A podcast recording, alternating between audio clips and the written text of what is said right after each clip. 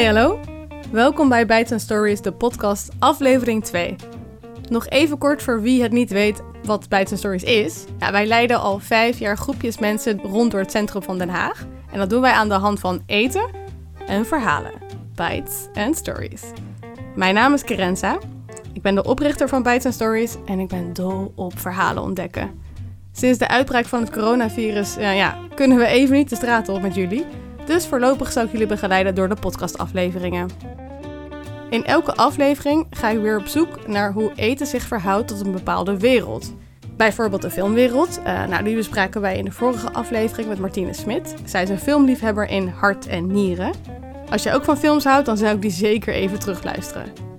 Voor deze aflevering ben ik in de schilderkunstwereld gedoken.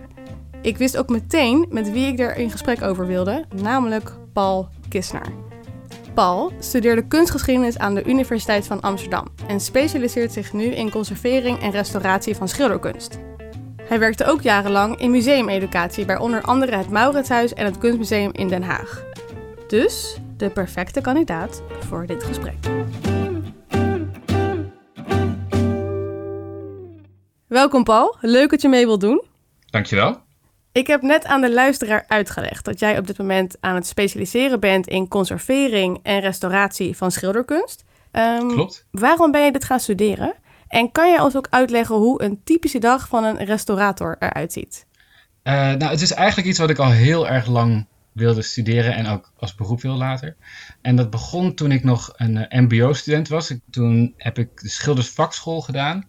En toen werkte ik aan de restauratie van een kerkinterieur. En daar was ook een restaurator van schilderijen aan het werk. En toen ik hem ah. aan het werk zag, dacht ik: Oh, maar dat is echt heel gaaf. Want dat is iets heel anders dan kozijnen lakken en uh, dakkapellen. Toen had ik wel door dat ik dan echt heel veel door moest studeren. Dus na mijn MBO-opleiding heb ik een uh, bachelor aan de Universiteit van Amsterdam gedaan, kunstgeschiedenis. En daarna pas ben ik geselecteerd voor de master die ik nu doe.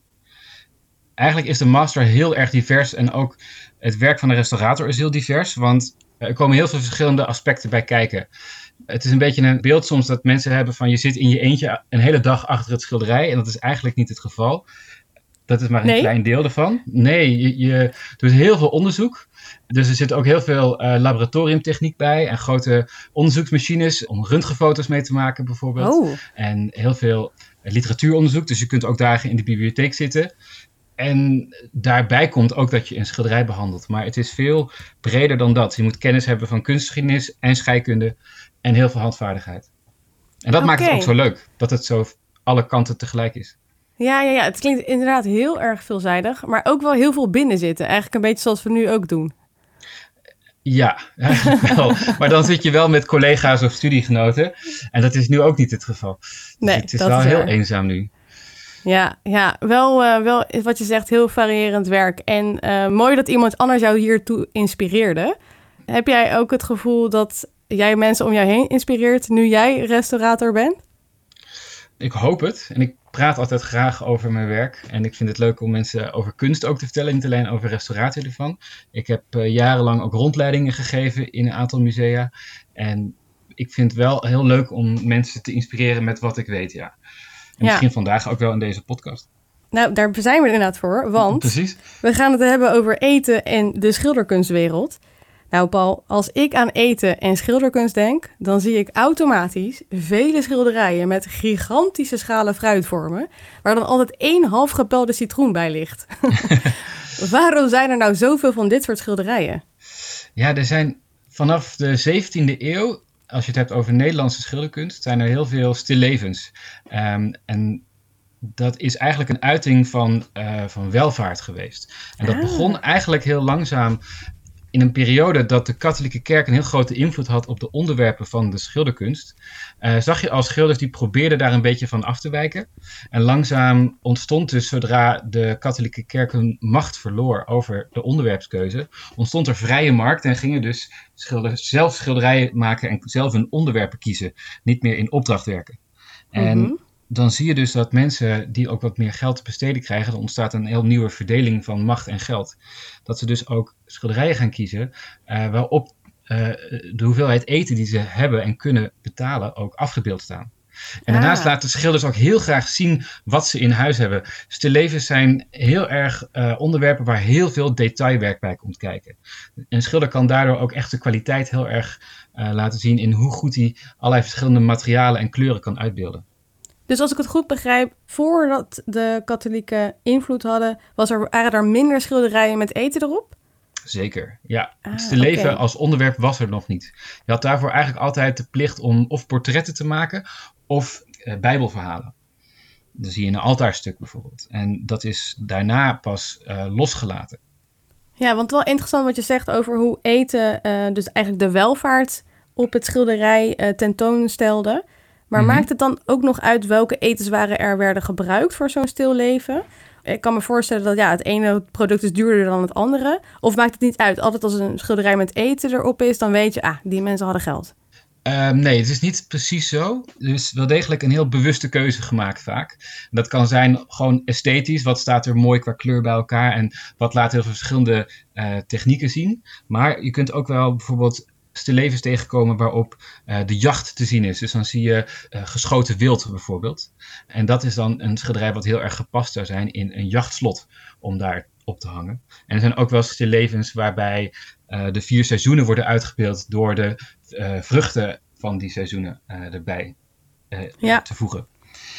Daarom zie je dus ook echt wel een, een ontwikkeling in dat genre van onvoorbereid eten, dus gewoon de jacht bijvoorbeeld, of de producten vers van het land, mhm. naar maaltijden die volledig bereid zijn. Dus ook met uh, glazen wijn ernaast en uh, gekookte gerechten en gebakken taarten en dat soort dingen. Ja, precies. En mij is wel eens verteld dat dit ook werd gebruikt om, ja, als studie van hoe werkt dan een lichtinval of uh, hoe schilder ik nou eigenlijk het beste. Maar jij zegt nu eigenlijk dat het ook echt als onderwerp werd gebruikt. Zo van, je wilt per se dit op je schilderij uh, laten zien. Maar waarom dan altijd een half gepelde citroen? Uh, omdat er ook een klein beetje beweging in een schilderij zou moeten komen. Dus dan zie je bijvoorbeeld dat er een, een hele kleine muis in wordt geschilderd. Uh, of, of, of, insecten, dat er een vliegje op het eten is gaan zitten. Zodat het nog levensechter is. En het lijkt of er net iemand die citroen geschild heeft en hem teruggelegd heeft. En uh, als je zegt het zijn studieobjecten, dat is zeker zo. Want een stilleven, dat kun je gewoon zo lang bestuderen als je maar wilt. Je hoeft een model niet stil te laten zitten als het een stilleven is. En dan zijn het dus wel studies naar textuur en kleur. Maar een schilderij uh, met een stilleven was vaak wel echt het doel. Er waren schilders gespecialiseerd in het maken van stillevens. Ja, en naast al die stillevens en studieschilderijen ja, zijn er natuurlijk ook schilderijen waar eten op een andere manier het onderwerp is. Nou, bijvoorbeeld die van onze eigen Vincent van Gogh, hè, de aardappeleters. Mhm. Dat vind ik echt een van de leukste. Waar eten centraal staat, maar dan op een hele ja, donkere manier eigenlijk. En een hele essentiële manier. Heb jij mhm. ook een favoriet schilderij waar eten centraal staat? Jazeker, ik heb er een aantal. Oh. Um, en, en laat, ik, laat ik beginnen met een, een, vrij klein en opvallend schilderij in het Mauritshuis. En dat is een stilleven gemaakt door Clara Peters, uh, een Vlaamse uh, kunstenaar. En zij uh, specialiseerde dus ook in het maken van stillevens. En hoe heet dat schilderij? Stilleven met kazen, amandelen en krakelingen. En in dit schilderij zien we een aantal kazen naast elkaar liggen, verschillende texturen. Er ligt ook een stuk kaas weer op. En mhm. daarbovenop ligt een schaaltje met boterkrullen, alsof je ze zo roomboter met een mes hebt afgesneden. Oh ja, ja. En uh, er is een, een, theorie over dat ze daarmee een spreekwoord heeft uitgebeeld. Namelijk, uh, zuivel op zuivel, dat haalt je de duivel. En oh, zuivel van de roomboter en de kaas, dat is een, een verwijzing naar de overvloed in een uh, maaltijdsteleven. Of wat helemaal haar intentie was, zullen we nooit weten. Want we weten heel erg weinig over Clara Peters. Hmm. Um, ze vrij anoniem leven. Maar ze verkocht in haar tijd haar schilderijen ontzettend goed. En er werden ook kopieën van gemaakt door anderen. En bijvoorbeeld weten we helemaal niet of ze getrouwd was of niet. Maar in het schilderij wat ik omschreef ligt wel een mes op tafel, wat vaak een huwelijksgeschenk was, met er in de zijkant ook haar naam gegraveerd. Oh, chic. het is ontzettend mooi. Het is heel rijk van details. En wie heel goed zoekt, kan in het schilderij van Clara Peters haar zelfportret terugvinden. In de weerspiegeling van een tinnen deksel op een kruik zie je een heel klein stipje. En als je heel goed kijkt, zie je dat zij zichzelf daar heeft geschilderd in de reflectie. Iets wat ze in andere schilderijen ook wel deed. Dat je haarzelf dan weer terug kon vinden. Dus heel erg gevuld met detail.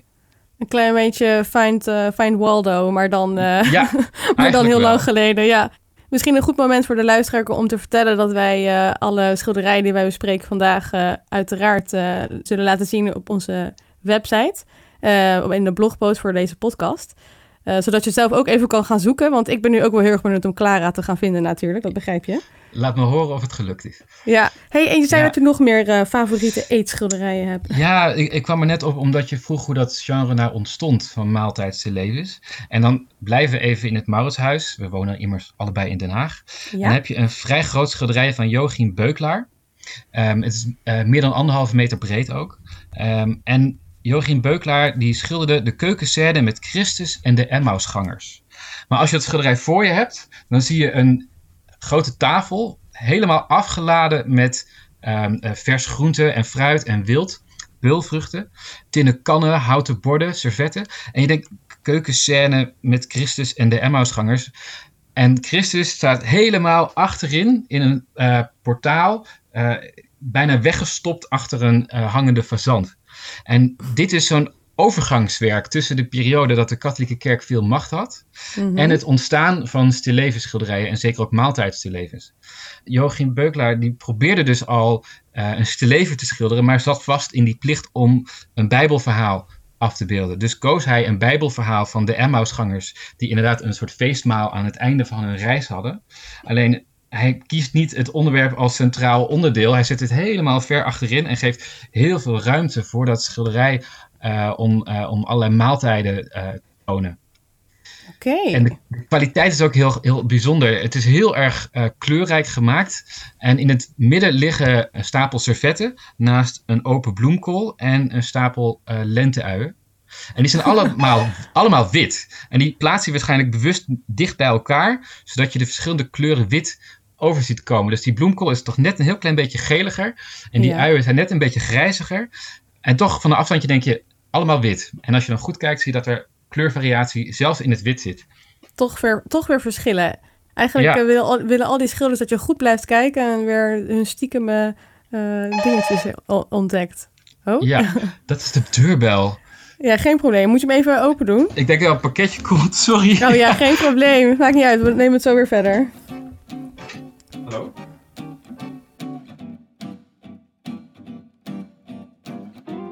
Ja. Of all things. ja. Die je kan Sorry. kunnen voorbereiden. Nee, dat geeft Ja. niet. Ja, dat is, Ja. dat is wat het is. hey Paul. Ik Ja. heb ooit begrepen dat eten of etensresten onder andere werd gebruikt om verf te maken. Mhm. Wat kan je daarover vertellen? Ja, dat is een, eh, een heel veel voorkomende vergissing. Mensen zeggen dat vaker, dat eh, etensresten gebruikt werden voor schilderijen. Dat is niet helemaal waar. Ehm, maar er zijn wel ingrediënten om een schilderij mee te maken die ook gegeten kunnen worden. Ehm, als je kijkt bijvoorbeeld naar Italiaanse 15e eeuwse schilderijen, dat noem je tempera. En dat is pigment gemengd in eieren. Dus dan is Mm. eiwit het bindmiddel. Eh, en een ei kun je ook eten. En je hebt bijvoorbeeld ook als je een doek behandelt voordat je er verf op doet, ehm, dan smeer je hem eerst in met lijm. En dat is vaak huidlijm gemaakt van eh, konijnen. Oh, wauw. Ja, en eh, een eh, voorbeeld waar ik vanochtend nog aan moest denken, eh, wetende dat we vandaag elkaar zouden spreken, is lijnzaadolie. Dat is Ah. een van de meest voorkomende olieverfmiddelen, is lijnolie. En dat deed ik vanochtend nog in mijn yoghurt, zoals ik dat iedere ochtend doe met mijn havermout en sojayoghurt. Een klein beetje lijnolie, omdat daar heel veel omega in zit. Ja, Eh, ik ben geen diëtist, maar dat heb ik eh, begrepen. ja En, het, kan, ehm, het kan geen kwaad. Nee, het schijnt eh, heel erg gezond te zijn. En dat werd dus door schilders heel veel gebruikt om hun verf mee te mengen. Want als je kijkt bijvoorbeeld weer even naar de 17e eeuw, dan heb je dus nog helemaal geen kunstenaarsbenodigdheden winkels. Er werd geen tubeverf verkocht. Schilders die kochten hun materialen bijvoorbeeld bij apothekers, hun, pigmenten. Ehm, en haalden hun eh, panelen voor hun schilderijen bij meubelmakers, kabinetmakers. Ehm, en hun doeken die haalden ze bij eh, fabriekjes voor eh, zeildoek, voor schepen. En zo zie je dus dat eigenlijk kunstenaars overal en nergens hun materialen va- vandaan verzamelen. Ehm, en dus ook hun verfproducten maken aan de hand van alledaagse ingrediënten. Wat echt wel bijzonder eh, hoe ze daar allemaal achter zijn gekomen ook. Ja, er zijn van sommige kunstenaars zijn er hele voorraadlijsten overgebleven. Als bijvoorbeeld een kunstenaar failliet ging, dan werd er een inboedellijst opgesteld, waarbij dus heel veel werd opgeschreven wat er op dat moment in dat huis aanwezig is. En zo kom je dus ook veel meer achter uh, de ingrediëntenlijsten van sommige kunstenaars. En er zijn ook receptenboeken van die periode waarin dingen worden uitgelegd uh, hoe je ze maakt en hoe je ze mengt. Ja, precies. En uh, ja, ook misschien goed voor de luisteraar om te weten, wij kennen elkaar ook persoonlijk. En zo zitten wij mhm. dus ook samen in een hele gezellige groepsapp. Mm En ik kan mij herinneren, volgens mij was het niet zo heel lang geleden, uh, maar jij vertelde met heel veel blijdschap hoe jij eindelijk een druif had gerestaureerd. kan je ons uh, uitleggen hoe moeilijk dat dan is? Moet je dan ook met ja, lijnzaad in de weer? Uh, nee, dat dan weer niet. Ik, ik, zal je even vertellen waar ik mee bezig was op dat moment. Dat is een, uh, een 17e eeuw leven um, van het Dordrechts Museum, of die hebben het in de collectie. Um, en dat is een stilleven met onder andere inderdaad druiven en mispels en, en graan. Um, en dat schilderij is heel erg donker. Uh, en dat komt doordat het vernis wat erop zit, dus zeg maar het transparante glanzende toplaagje, dat wordt langzaam donker in de loop der jaren. En na zoveel tijd uh, moet je dat oplossen en er een nieuw vernis op leggen. Uh, zodat het weer leesbaar wordt voor de kijker. Hoe het schilderij er ooit qua kleurintentie uit heeft kunnen zien. Maar voordat je dat gaat oplossen, moet je heel veel onderzoek doen. Je kunt niet zomaar terpentine of zo tegen een schilderij aangooien. Uh, Behalve Mr. Bean. ja, uh, ja, inderdaad. Um, maar als je kijkt naar de materialen die je daarvoor kiest, dat zijn niet dezelfde materialen als die kunstenaars gebruikten. Als er um, bijvoorbeeld een, een deel van het schilderij ontbreekt, dan schilder je dat niet terug met dezelfde olieverf als toen de tijd werd gedaan. Je kiest er altijd voor om een middel te gebruiken wat makkelijker op te lossen is dan het schilderij zelf. Want ja. alles wat je toevoegt aan het schilderij moet er ook weer afgehaald kunnen worden zonder het origineel te beschadigen. Ah, dus ja, ja, uh, dat noem je reversibel werken. En als je dat dus uh, zou doen met dezelfde olieverf en dat droogt in, dan gaat dat een heel sterke reactie aan met het origineel van het schilderij. Dus wij zitten heel ver in de, uh, in de laboratoriumtechniek en helemaal niet meer bij de, de eiergroothandel en de lijnzaadolie. Tenzij je een reconstructie maakt. Je kunt soms wel veel beter de techniek van een schilderij begrijpen als je dit stap voor stap gaat nadoen. En dan komt er zeker nog lijnzaadolie bij kijken. Ja. ja, we kunnen dus eigenlijk wel, als we het een beetje zo samenvatten, wel stellen dat uh, voornamelijk vroeger eten een belangrijke rol speelde binnen de schilderkunst. Ja, of het nou als onderwerp gebruikt voor het schilderij of als productiemateriaal dan. Precies. Maar dan ben ik eigenlijk wel benieuwd, in hoeverre is eten dan tegenwoordig nog belangrijk binnen de schilderkunstwereld? Uh, wat ik zelf heel opvallend vind, is dat we tegenwoordig op een heel andere instelling naar het museum gaan. Als je kijkt hm. naar hoe musea ontstonden tijdens de verlichting, zie je dan dat dat echt een educatietempel wordt. Dus mensen gaan daar naartoe om iets te leren over kunst of over archeologie of welk onderwerp dan ook in het museum getoond wordt. Maar wat je dan tegenwoordig juist ziet, is dat mensen veel meer als een soort sociale activiteit naar het museum gaan. En daarom ga je dus samen met iemand die je kent. En daarbij hoort dan tegenwoordig ook um, samen lunchen in het museum. En daar zijn musea op in gaan spelen door een restaurant in het museum te openen. Maar vooral als je kijkt naar musea die voor die tijd al gebouwd zijn, die hebben vaak geen restaurant. Dus dat zijn altijd latere toevoegingen in de architectuur van het museum. Ja, en, precies. Uh, tegelijk willen we dus wel dat het eten wegblijft uit de buurt van die schilderijen, omdat er ook ongedierte vandaan komt. Dus je gaat geen, uh, geen broodkruimels uh, achterlaten in de buurt van een Vermeer of een Rembrandt. uh, omdat je dan ervan uit kunt gaan dat er ongedierte op afkomt. Dus het moet ook heel strikt gescheiden blijven tussen het restaurant en de zaal van het museum waar de kunst hangt. Ja. Alleen bij hoge uitzondering wordt daar een geselecteerd menu soms geserveerd voor een heel exclusief gezelschap. Dat gebeurt soms, maar dan zijn er echt strenge veiligheidseisen bij. Ja, en heeft eten dan, uh, aangezien je zegt hè, dat het vooral nu een uitje is geworden en mensen willen dus een beetje eten bij hun bezoek, mm -hmm. um, zijn de menus dan ook afgestemd op wat er tentoon wordt gesteld? Ja, soms wel. Uh, maar dat is natuurlijk lastig. Uh, het ligt heel erg aan het onderwerp wat er gekozen wordt. Um, maar er is bijvoorbeeld in het Mauritshuis een paar jaar geleden een, een tentoonstelling geweest over dit soort maaltijdslevens waar we het eerder over hadden. En daar was inderdaad een randprogrammering van kookworkshops en dat soort dingen. Dat was er ook allemaal bij georganiseerd. Dus dat kan zeker een, een wisselwerking hebben. Dus eigenlijk wel een, een soort link, maar niet per se uh, overweldigend. Nee, het is ook praktisch niet altijd makkelijk. De dingen die vroeger gegeten werden, die zijn ook niet altijd geschikt om aan het museumbezoek voor te schotelen. Ja, dat is ook alweer zo. Eh, ja. Hoe sta jij tegenover deze ontwikkeling? Dat het uh, museum nu meer een uitje is geworden in plaats van de, ja, zoals het vroeger was, een educatieve bron. Juich je dat toe of zou je dat liever zoals het vroeger was? Zien? Nee, ik, ik vind dat een mooie ontwikkeling, omdat er steeds meer mensen naar het museum gaan. Normaal gesproken, ik bedoel, nu zijn ze dicht. Maar er is een enorme stijging in de loop der jaren te zien van het aantal mensen dat naar het museum gaat. En dat vind ik op zich niet slecht. Ik vind alleen wel dat het educatieve element er altijd in moet blijven. Een, een museum zonder um, uh, gedegen achtergrondinformatie en um, uitgelegde keuzes. Dat soort uh, musea, daar heb ik een beetje aarzeling bij. Uh, een, een selfie-museum, dat, dat, daar geloof ik niet zo in. Um, ja. Maar ik vind zeker dat eten en kunst best samen mogen gaan. De, de inhoud moet erin zijn. En ja. op welke manier dat aan het publiek benaderbaar maakt, heb ik niet zo heel veel moeite mee. Zolang het maar uh, goed onderbouwd kan worden.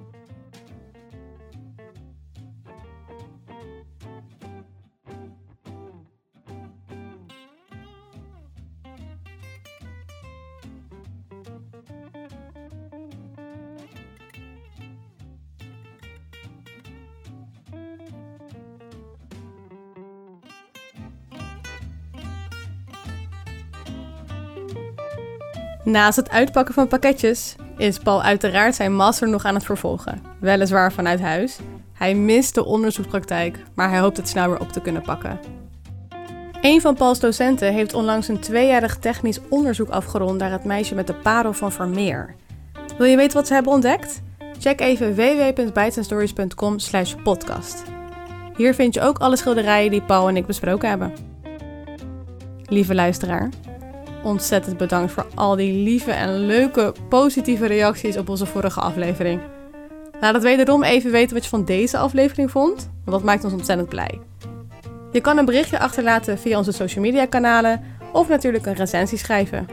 Abonneer op ons in je favoriete podcast app, zo mis je nooit een aflevering. Deze podcast is gemaakt in samenwerking met Hans Poel. Bedankt Hans. En aan jullie, bedankt voor het luisteren en tot de volgende. Cheers!